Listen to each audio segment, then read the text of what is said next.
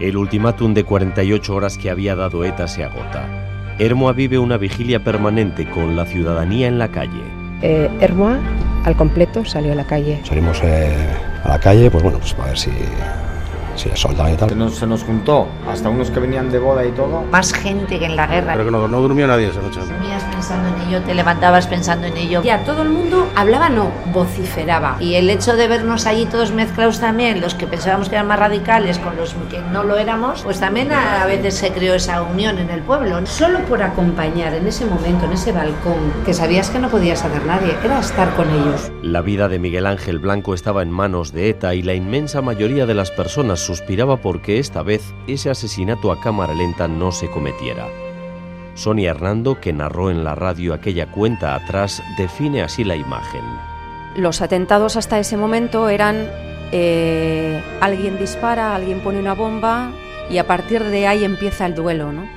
Este fue un duelo que empezó antes, era una ejecución anunciada.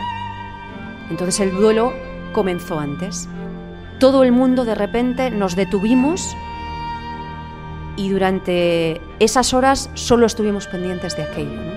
El gobierno de España deja claro que no puede acceder al chantaje de acercar a los 600 presos de ETA antes de las 4 de la tarde del día 12. El pacto de Ajurianea se mantiene firme y el Lendakari Ardanza vuelve a apelar a ETA y también a HB. ETA sabe de antemano que ha puesto unas condiciones imposibles de cumplir.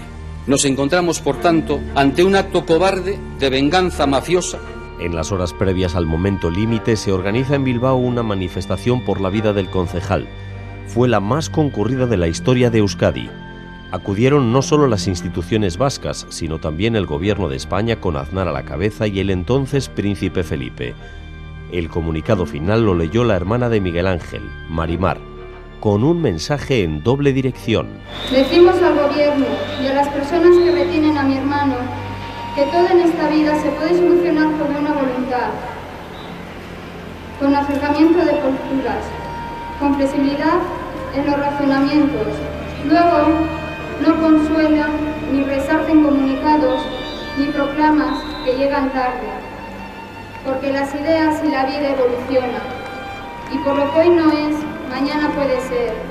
Porque te esperamos, Miguel. Aunque la decisión de ETA de cometer el asesinato en diferido estaba tomada, la reacción popular expresada a través del silencio generó una esperanza. Esta es la conversación íntima que tenía la madre del concejal con la portavoz del gobierno vasco, Mari Carmen Garmendia. Pero al mismo tiempo no dejaba de preguntarme cada unos cuantos metros, ¿usted qué cree? ¿Lo matarán o lo salvarán? ¿Usted qué cree? ¿Le perdonarán la vida? Bueno, así todo el rato, hasta, hasta la llegada al ayuntamiento.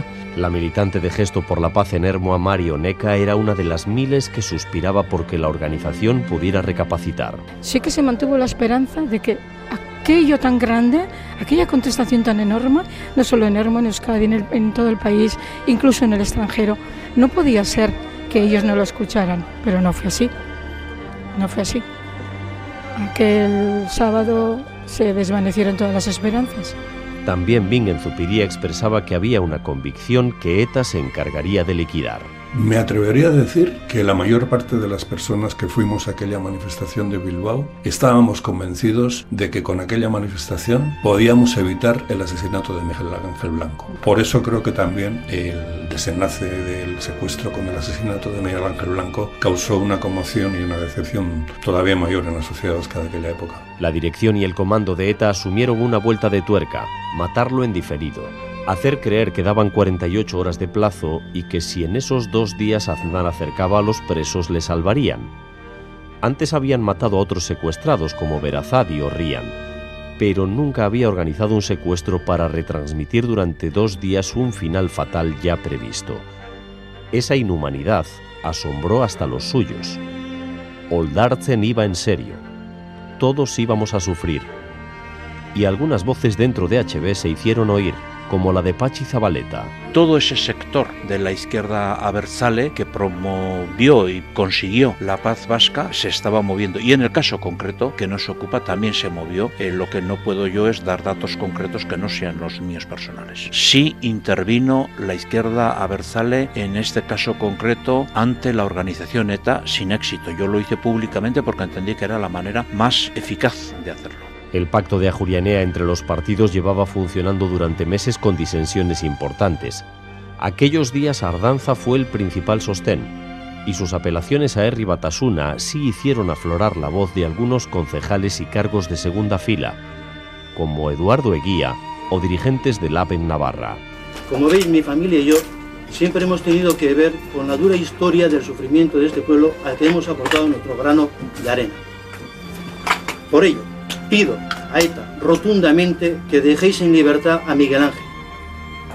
Eh, es esta lealtad histórica la que me autoriza a lanzar la petición que he hecho.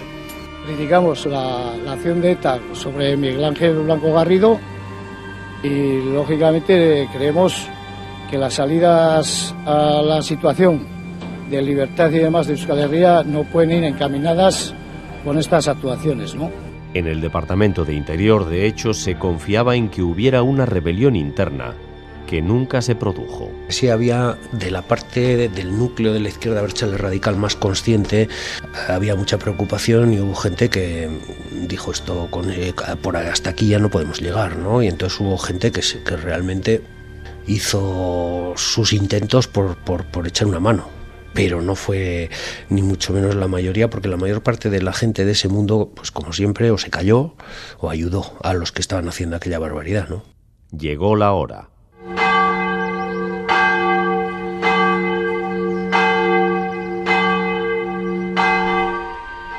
El comando compuesto por García Gastelu, Gallastegui y Geresta lleva a Blanco a un descampado en la Sarte y le pegan dos tiros en la cabeza, por detrás y con las manos atadas. Una pareja que pasea por la zona lo halla moribundo, agonizando.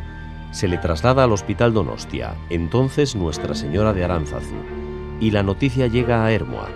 El alcalde la anuncia por la megafonía ante un pueblo que seguía en la calle. ha sido asesinado. La militante de gesto Mario Neca era una de las que estaba allí. En cuanto salió a al balcón eh, Totorica, solo por su cara, ya no le dejamos hablar. Ya empezamos a chillar, ya empezamos a... horrible, o sea, a llorar, a gritar, o sea, no le hizo falta hablar. Solo con su cara lo dijo todo.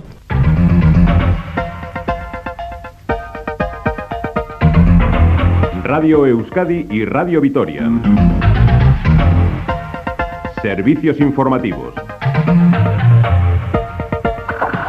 Yo tengo una imagen en eh, la Gran Vía de Bilbao con la unidad móvil esperando ese momento precisamente, sabíamos que, iba a llegar y claro, saltó la noticia. Había poca gente por la calle, había gente paseando, pero todos los que estaban, estaban todos con cascos, escuchando la radio. Y recuerdo ver a varias personas que se quedaron detenidas, como incrédulas, algunas echaron a llorar. A mí esa imagen me, pareció un resumen increíble de, del sentir también de, la gran mayoría de, de Euskadi. La tragedia familiar se agranda por el desconocimiento de los padres a los que se había aislado totalmente, como cuenta su prima, Nerea. Yo salí de casa de mis tíos y al ver, al poner la, televisión, pues dieron, cortaron la emisión y dieron la noticia de que lo habían encontrado en, en el monte, en la Sarte. Entonces cogimos el coche y fuimos otra vez a casa de mis tíos, subimos y ahí nadie sabía nada. Antes de entrar nos dijeron ni una palabra ni una palabra, Chelo y Miguel no saben nada. Mientras el resto sabíamos que había aparecido con un tiro en la cabeza y que estaba muy grave, pues Chelo y Miguel dentro de la casa no sabían nada. Y la información que les dieron fue que había aparecido y que había aparecido vivo. Entonces, pues lo siguiente que había que hacer es ir al hospital y a verle. Entonces, eh, Chelo y Miguel salieron de casa a ver a su hijo. La madre y la hermana del concejal llegan a la residencia y allí les dicen la verdad. Bueno, en ese momento se encuentra en quirófano, eh, su estado es muy grave, está en coma, tiene un edificio en la zona civil de entrada eh, sin orificio de salida. Como digo, está muy grave, está en coma y bueno, todavía es todo lo que podemos decir. El doctor que lee ese parte es Pachi García Urra. Bueno, llegó el sábado a las 4 de la tarde y me acuerdo que me llamaron del servicio de urgencias y me dicen, oye, ha aparecido Miguel Ángel Blanco y está vivo. Y viene y, y está bien. Ah, pues oye, pues bien, fenomenal, noticia excelente. Pues parece que ETA ha hecho caso a la petición que se está haciendo eh, generalizada. Pasaron cinco minutos o diez, no más. Me dijeron, no, Pachi, me llamó la barra de urgencias. Pachi, que viene, viene intubado, viene con un tiro en la cabeza y viene en coma. El consejero de Sanidad, Iñaki Azcuna, hizo uso de su habitual claridad al hablar. No había esperanza. Lo que no puedo hacer es decir a la gente que hay una esperanza. Mire, ojalá nos equivoquemos, pero tiene dos balas, una que no se ha alojado detrás de la oreja, digamos, en el hueso, pero la otra que le ha barrido el cerebro desde la nuca hasta la parte frontal del cerebro, ¿verdad? Y le ha afectado órganos vitales. Por tanto, en esas circunstancias va a ir mal, va a ir mal. Y usted sabe, cuando los médicos decimos lo que es ir mal, usted sabe lo que es, no hace falta que lo traduzca. Los daños que ocasionan esas balas en un cerebro. Que esas balas que pasa de aquí y acaba aquí, atraviesa todo el cerebro, pero atraviesa los, lo, lo, para decir, la centralita del cerebro. Y además las balas cuando actúan no actúan en línea recta, sino que lo que hacen es entran por un orificio muy pequeño, que es el orificio de la bala realmente, y según van entrando la lesión es en cono. Unas horas después, ya de madrugada, el concejal entra en muerte cerebral. Pasamos ahí la noche. Yo pude despedirme de mi primo, sí, Y bueno, sí, importante. ¿Recuerdas lo que le dijiste? No pude hablar, no pude hablar. Estuve con él media hora, le agarré de las manos y le di besos, pero no le pude hablar. Y eso que sabía que estaba despierto, es decir, sabía que estaba vivo y que me podía oír, pero no, solo le di besos. La madre estaba muy nerviosa, muy nerviosa, y lo único que pedía es que quería ver a su hijo. Entonces, bueno, yo subí, hablé con ella un momento, le dije, ¿quieres ver a tu hijo? ¿Quieres tocarlo? Sí. La puse en el brazo, bajamos, y aquella mujer se calmó. Con el asesinato, de la vigilia se pasó a la indignación. Entonces se inició una revuelta que tuvo brotes de venganza que algunos intentaron alentar y otros sofocar. Empezaba para algunos el espíritu de Hermoa y para otros la discordia total.